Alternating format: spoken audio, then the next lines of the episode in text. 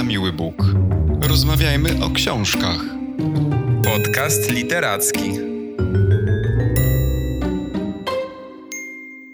Witamy Was serdecznie w kolejnym odcinku naszego literackiego podcastu na Miły Bóg. Witam też Maćka, wyjątkowo, bo na moim M4 odwiedzi mnie we Wrocławiu, więc dzisiaj będziemy mieli mm, okazję w trochę innej formie ze sobą rozmawiać, z czego się bardzo cieszę. Cześć, dzień dobry. Dzień dobry Kamilu. Zupełnie inaczej się nagrywa ten podcast, kiedy mogę na ciebie spojrzeć. Ale czytałeś książkę Miedziaki i dzisiaj o tej książce będziemy rozmawiali, chociaż chyba nie tylko o tym. Powiedz nam, kto ją wydał i kto jest autorem. Tak, porozmawiamy o miedziakach Colsona Whiteheada. Książkę w Polsce wydało wydawnictwo Albatros, a tłumaczeniem zajął się Robert Sudoł. I książka była swego czasu bardzo popularna, nadal myślę, że jest popularna, ale była wtedy popularna te kilka miesięcy temu ze względu na to, że otrzymała nagrodę e, Pulitzera. Zresztą nie jest to też pierwsza nagroda Pulitzera dla Colsona Whiteheada, e, który wcześniej otrzymał już ją za swoją inną powieść kilka lat temu, za Kolej Podziemną, Czarna Krew Ameryki. Wydaje się, że chyba ją Maćku czytałeś, prawda? Tak, to jest książka, którą czytałem i to w ogóle było dla mnie też zaskoczenie, że y, autor otrzymał dwie nagrody Pulitzera za swoje dwie kolejne powieści. Nie wiem, czy taka sytuacja kiedyś miała miejsce, być może miała, ale na pewno jest to duże osiągnięcie i duże wyróżnienie dla autora. O kolei podziemnej mm, no nie będziemy dzisiaj rozmawiali, mogę tylko dodać, że y, to jest taka książka, którą cechuje taki nietypowy koncept, fascynujący, y, jak to zostało zrobione. Natomiast E, mam pewne zastrzeżenia do tej książki. E, nie podobał mi się przede wszystkim styl autora.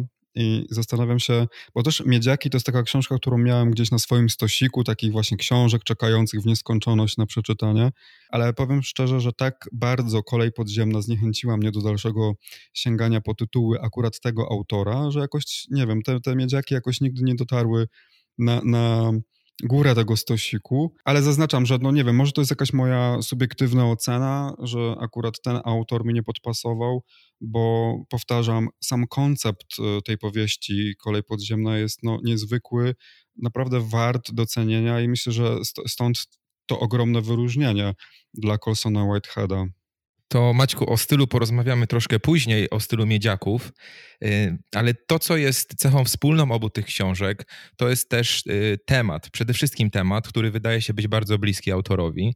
Jest to mm, temat segregacji rasowej w Stanach Zjednoczonych, y, szczególnie w latach 40., 50., 60. XX wieku. Czyli sięgamy po raz kolejny do tematu, który leży na sercu Ameryki, również dzisiaj, który jest na tyle ważny, że zdobywa najwyższe nagrody, nie tylko literackie, bo przecież pamiętamy, że całkiem niedawno na przykład Oscara dostał Green Book, który też dotyczył segregacji rasowej, czyli temat jakby ciągle nieprzepracowany i ciągle ważny. Y, można go może porównać w Polsce do takiego tematu, jakim jest Holokaust, II wojna światowa, obozy zagłady. No jakby każdy, każdy rejon świata ma, ma, ma, ma swój newralgiczny temat. I opisując to, o czym jest ta książka w kilku zdaniach, yy, Chciałbym zacząć od tego, że jest to przede wszystkim y, powieść fikcyjna i tutaj na ostatnich stronach y, tej książki autor mówi wprost, że miejsca i bohaterowie są fikcyjni. Jest jednak tak, że mm, występuje bardzo silna inspiracja mm, dla opisanej fikcji. Y, I jest to historia, która całkiem niedawno, bo w 2019 ujrzało, ujrzała światło dzienne inspiracją bezpośrednią i bardzo znaczącą dla, dla tej powieści y, jest szkoła, mm, którą założono w 1900 roku na Florydzie, dokładnie w mieście Mariana. Y, ona nazywała się Szkołą dla Chłopców Artura G. Doziera i trafiali tam chłopcy między 13 a 25 rokiem życia. Y, ci, którzy mieli problemy z prawem i kierowani byli tam przez sąd, właśnie do tej instytucji, która była swego rodzaju połączeniem szkoły i poprawczaka. I mogliśmy mm, czytać o tej autentycznej szkole y, w artykułach, mm, przede wszystkim w ostatnich latach, ponieważ jakby wsławiła się ona mm, albo odkryto o niej bardzo negatywne fakty. Okazuje się, że firma, która dokonywała po latach oczyszczenia terenu wokół tej y, szkoły, znalazła tam miejsca pochówku wychowanków. Wychowanków oczywiście z lat 50. i 60. I z dokumentacji po późniejszej analizie wynika, że na terenie tej szkoły w latach 1900 1973 doszło do około 100 zgonów. A więc wychowankowie tej autentycznej szkoły doświadczali bardzo dużej przemocy, która poza tym, że y, objawiała się poprzez znęcanie się, bicie, gwałty, kończyła się także torturami i śmiercią. I tak jak mówiłem, ta historia y, autentyczna była i jest bardzo widoczna w tej książce Miedziaki. To jest bezpośrednia inspiracja i na tym wzorował się Colson Whitehead. Wydaje mi się, że to jest też taki temat, który przewija się przez wiele krajów. E, w Europie na przykład mieliśmy w Irlandii e, po II wojnie światowej takie sierocińce prowadzone przez księży, zakonnice, sierocińce katolickie, w których właściwie dochodziło też do takich nadużyć seksualnych i, i też odkrywano właściwie kości gdzieś w pobliżu tych sierocińców. Ostatnio też bardzo głośnym tematem jest takie rozliczenie się Kanady z tego, jak traktowano dzieci tych pierwszych narodów, czyli no właśnie tej ludności rdzennej. Kanada, kraj, który wydawałoby się takich problemów mieć nie powinien, który słynie, z, przynajmniej teraz, z ogromnej tolerancji, otwartości, no jednak też ma taką traumę do przepracowania i jakby no też nie dziwi w związku z tym, że e, i w Stanach Zjednoczonych, e, które przecież trawione były takimi problemami rasowymi, e, pojawiają się e, tego typu zdarzenia. Natomiast ja mam takie pytanie, czy ta szkoła, czy tego rodzaju szkoły, to były szkoły tylko i wyłącznie dla czarnoskórej młodzieży? To jest właśnie ten element, który dzieli e, fikcję od, od, od realiów, bo oryginalnie szkoła, na której wzoruje się Colson Whitehead, była przeznaczona dla wszystkich chłopców, i by, byli tam chłopcy przede wszystkim y, białej rasy. Natomiast w powieści Miedziaki autor skupia się przede wszystkim na tym uciemiężeniu czarnoskórych chłopców, więc tworzy fikcję, odchodzi od, od tej autentycznej sytuacji, w której to biali wychowankowie stanowili zdecydowaną większość ofiar przemocy i okrucieństwa. To jest książka, która, mm, jak można się spodziewać, będzie łamała serca czytelników, bo poza tym, że dotyczy tematu nierówności rasowej, to główny bohater tej książki, Elud, jest właśnie czarnoskórym chłopcem, ale takim chłopcem, który ma duże ambicje, dobrze zapowiada się jego przyszłość, ma duży potencjał intelektualny, myśli o uczeniu się na Politechnice. Y, odróżnia się więc od y, rówieśników pod, y, właśnie pod względem szans na dobrą przyszłość. No i żyje on na południu Stanów Zjednoczonych, w małym mieście właśnie w stanie Floryda, bez rodziców, ale wychowuje się z babcią. I, i pomimo właśnie tego, że żyje jeszcze w rasistowskich latach 60., to nic nie zapowiada tego nieszczęścia, które, które się wydarzy, tego nieszczęśliwego rozwoju wypadków opisanego w tej powieści. Właśnie przez ten e, nieszczęśliwy rozwój wypadków trafia do miedziaka i, i tam zaczyna się jego koszmar, jak możemy się domyślić.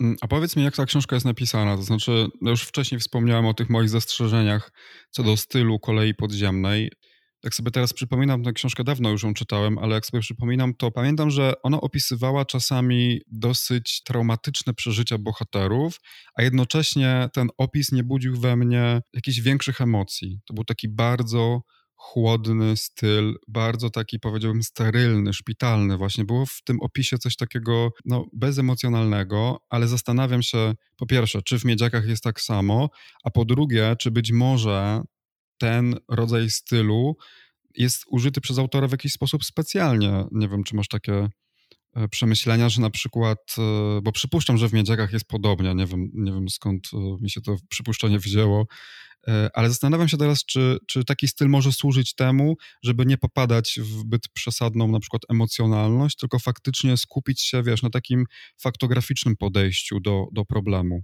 W Miedziakach nie jest inaczej niż to, co opisałeś y, z podziemnej, z kolei podziemnej. Rzeczywiście styl y, językowy w Miedziakach jest bardzo suchy. I tutaj nawet jeśli czytamy o wyjątkowo okrutnych czynnościach, które spotykały wychowanków tego, te, tego poprawczaka, to czytamy to tak, jakbyśmy może czytali relacje z meczu futbolu amerykańskiego. Czy to czemuś służy? Nie do końca potrafię odpowiedzieć na pytanie, ale na pewno jakby sprowadza to tę książkę do takiej, do, do takiej formy trochę fabularyzowanego reportażu, jeśli mógłbym to y, tak nazwać. Ale generalnie jestem zaskoczony, że książka takiego pokroju otrzymuje nagrodę literacką Pulitzera. To jest bardzo interesująca i przerażająca historia. Natomiast właśnie zabrakło mi w książce czegoś więcej niż tylko świetnej i solidnej relacji z danego miejsca, z danego czasu o danym problemie. Brakuje mi tutaj jakby takiej wizji twórczej, brakuje mi tutaj y, ciekawszego warsztatu, ciekawszego języka, więcej tych językowych niuansów, być może jakiegoś bardziej uniwersalnego i złożonego przesłania autora. Chciałem jeszcze powiedzieć, że jest jednak w Miedziakach motyw, który mi się podoba i który wyrasta ponad te, ten charakter faktologiczny i okraszony tym bardzo suchym stylem. Przede wszystkim Miedziak to miejsce, które zmienia ludzi. Bo jeśli, tak jak ci wychowankowie, obserwujesz w młodym wieku przemoc, e, bezpodstawne kary cielesne, kiedy wychowawcy bez opamiętania gwałcą swoich wychowanków, to kształtowanie potem życia po wyjściu musi być e, długą i krętą drogą. I podoba mi się jednak, że w tej książce autor przedstawia też drugi punkt widzenia niż tylko te traumatyczne przeżycia, te skandaliczne i trudne do wyobrażenia sytuacje. A robi to za pomocą słów y, pastora Martina Luthera Kinga, który jest autorytetem dla naszego głównego bohatera. On mówi takie słowa, które przyświecają y, Elwoodowi. Wtrąćcie nas do więzienia, a my i tak będziemy was kochać. E, róbcie z nami co chcecie, i tak będziemy was kochać. Nienawiść nie pokona nienawiści, tylko miłość może tego dokonać. I nie miejcie złudzeń. Złamiemy was naszą zdolnością do cierpienia i pewnego dnia wygramy naszą wolność. Więc miedziak jawi się też w tej powieści jak, nie tylko jako miejsce opresji, ale też jako miejsce, w którym e, dojrzewa tożsamość Eluda, w którym może on realizować słowa Kinga o czarnoskórym bohaterze przełamującym panujący w Stanach Zjednoczonych porządek. No bardzo ładne to było. Czyli polecasz jednym słowem książkę. Kiwnij głową, bo nie masz mikrofonu. Kamil się zawahał. Także decyzję pozostawiamy wam. E, a jeszcze wróćmy do tego, że po raz pierwszy nagrywamy odcinek w takich okolicznościach. E, że możemy siedzieć koło siebie i rozmawiać o książce. Jest to niebywałe doświadczenie. E, jesteśmy we Wrocławiu i też muszę powiedzieć, że akurat e, przygnały mnie tutaj sprawy zupełnie prywatne i jakby nawet nie miałem świadomości tego, że właściwie przyjadę w trakcie Tygodnia Noblowskiego. Rozpoczął się też festiwal Góry Literatury, w trakcie którego również rozpoczęła swoją działalność Fundacja Olgi Tokarczuk. I muszę powiedzieć, że jakoś tak Wrocław mnie bardzo miło przywitał. E, zupełnie spontanicznie spotkałem swojego znajomego e, Artura, którego serdecznie e, pozdrawiam i który przyznał, że wraz ze swoją żoną często słuchają naszego podcastu w samochodzie, jadąc do pracy. Artur w ogóle prowadzi taki klub we Wrocławiu o nazwie Surowiec. Jest to miejsce w, w tym pasażu neonów, bodajże tak to się nazywa, jest to miejsce, w którym właśnie chyba raz w miesiącu, w pierwszy bodajże czwartek miesiąca, ale sprawdźcie to, bo nie pamiętam, e, jest organizowany taki slam poetycki, znaczy przychodzą ludzie, dużo artystów w ogóle przychodzi i każdy ma kilka minut na scenie i może powiedzieć swój wiersz, jakiś fragment tekstu, czasami jest to stand-up, Artur mówił, że bardzo fajne e, towarzystwo wówczas przychodzi, także jeżeli jesteście z Wrocławia albo z okolic, albo będziecie we Wrocławiu, e, to sprawdzajcie koniecznie to miejsce. I ja żałuję, że akurat przyjechałem kilka dni po tym e, właśnie wydarzeniu, bo myślę, że byłoby to ciekawe doświadczenie. Natomiast ty chyba byłeś na górach literatury i chyba widziałeś nawet naszą noblistkę. Jak twoje wrażenia? Tak, tak jak Maciek tutaj powiedział, mamy we Wrocławiu wiele wydarzeń e, związanych z literaturą, które są bardzo atrakcyjne, więc zapraszamy wszystkich spoza Wrocławia do nas. Ale niedaleko Wrocławia, właśnie w okolicach Nowej Rudy, zaraz u podnóża Górsowich, odbywa się Festiwal Góry Literatury, o którym wspomniałeś. Jest to bardzo ciekawa inicjatywa. Odbywa się corocznie właśnie w tak e, wyjątkowym miejscu. E, I byłem w tym roku pierwszy raz na jednym z dni, z dni tego festiwalu.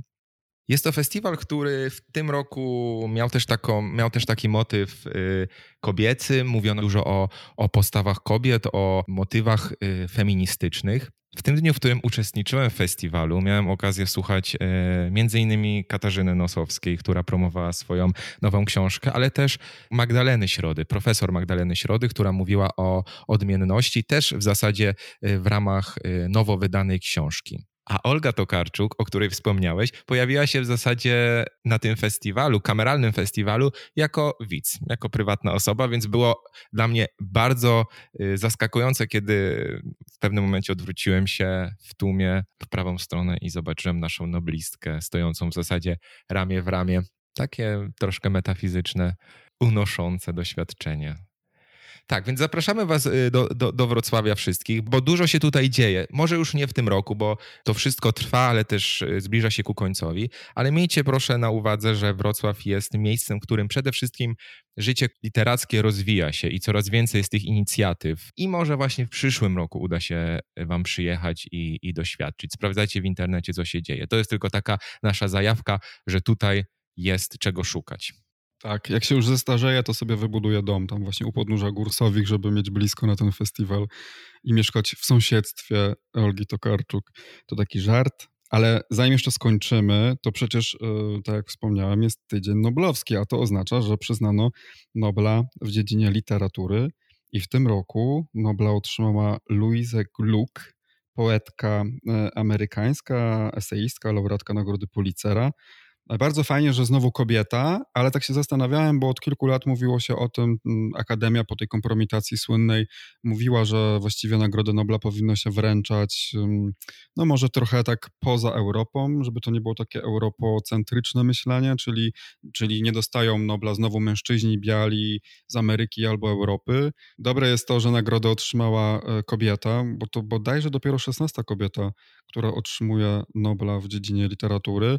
Natomiast znowu znowu biała i znowu e, z Ameryki i chyba gdzieś tam było słychać takie pewne rozżalenie, że dlaczego właściwie ta nagroda nie trafi gdzieś poza te, to środowisko takie albo europejskie, albo anglosaskie. Mogłaby przecież trafić wreszcie E, w, na przykład do Afryki albo do Azji, gdzie faktycznie w ostatnich latach pojawia się bardzo, bardzo dużo ciekawych głosów i to są też takie mm, głosy, których wcześniej nie słyszano albo którym właśnie wcześniej nie dawano takiego podium do, do zaprezentowania swoich obserwacji świata. Myślę, że to, że to byłoby bardzo ciekawe. Tutaj też jest taka sytuacja z tą Gluck, że właściwie ona nie jest w Polsce praktycznie w ogóle wydawana. Jest chyba kilka jej wierszy wydanych w takim zbiorze. Natomiast faktycznie jej tomy nie były wydawane nigdy. Jest to taka autorka w większości z nas nie ma się co oszukiwać i udawać, że ją znamy, bo, bo jakby w większości nie jest znana. Słyszałem taki dowcip mojego znajomego Tomasza, którego również pozdrawiam, bo słucha naszego podcastu. Nie wiem, czy dowcip elegancki, bo ponoć nie powinno się e, żartować e, z nazwisk, ale czy wiesz, czego można życzyć tegorocznej noblistce z literatury? No, zamieniam się w słuch. Phil Gluck. tak myślałem. A my słyszymy się za tydzień. Wam również życzymy dużo szczęścia. Do usłyszenia. Do usłyszenia. Miły Bóg. Rozmawiajmy o książkach. Podcast literacki.